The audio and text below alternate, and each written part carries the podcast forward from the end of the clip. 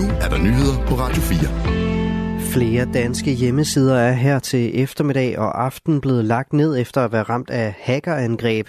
Det gælder blandt andet Københavns Lufthavn, Trafikstyrelsen og Movia.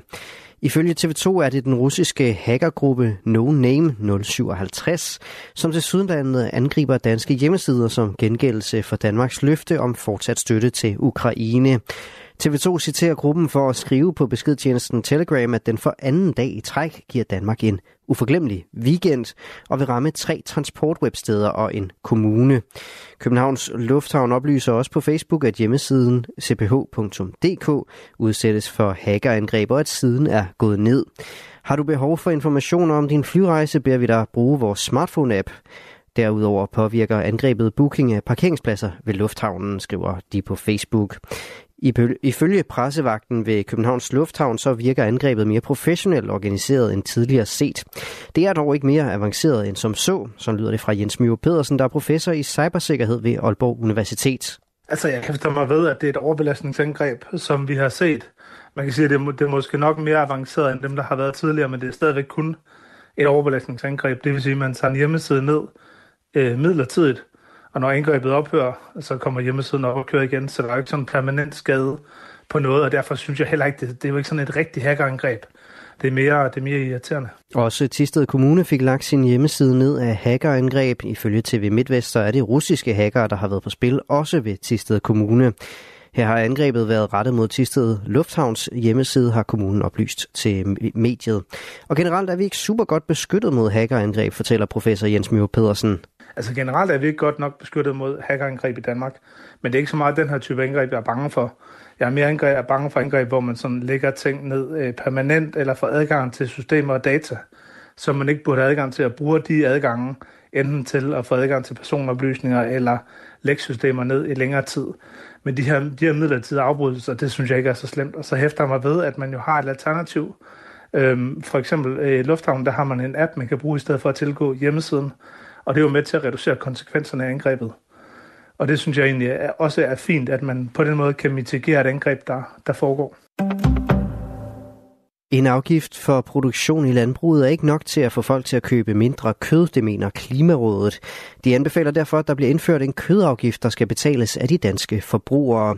Den skal supplere den CO2-afgift på landbrugsproduktionen, som et ekspertudvalg i onsdags kom med sine anbefalinger til, det skriver Danmarks Radio.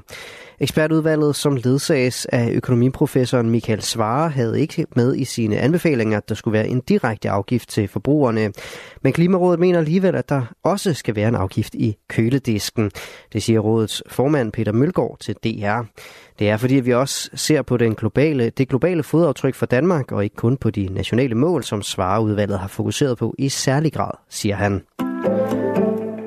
Det vil kunne koste Ukraines præsident dyrt, hvis det tabstal, han har lagt frem i dag, viser sig at være misvisende. Det siger militæranalytiker ved Forsvarsakademiet Janette Seritslev. Ifølge præsident Volodymyr Zelensky så har 31.000 ukrainske soldater mistet livet under krigen i Ukraine. Det har han for første gang meldt et officielt tal ud om.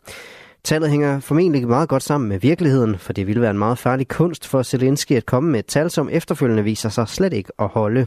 Hans troværdighed over for både det ukrainske folk og Vesten står på spil, siger Jeanette Seritslev. Hun forsker blandt andet i, hvordan lande i krig bruger information og misinformation. Hun peger på en afgørende forskel mellem Ukraine og Rusland, som ifølge hende har betydning for, om man kan regne med de informationer, der bliver meldt ud. Ukraine er et reelt demokrati, og derfor har Zelensky og myndighederne brug for en anden form for legitimitet og troværdighed i borgernes øjne, end de russiske myndigheder har, siger hun. Jemens Houthi-oprørere oplyser, at de har affyret en række raketter mod det danskejede olietankskib Torm Thor i Adenbugten.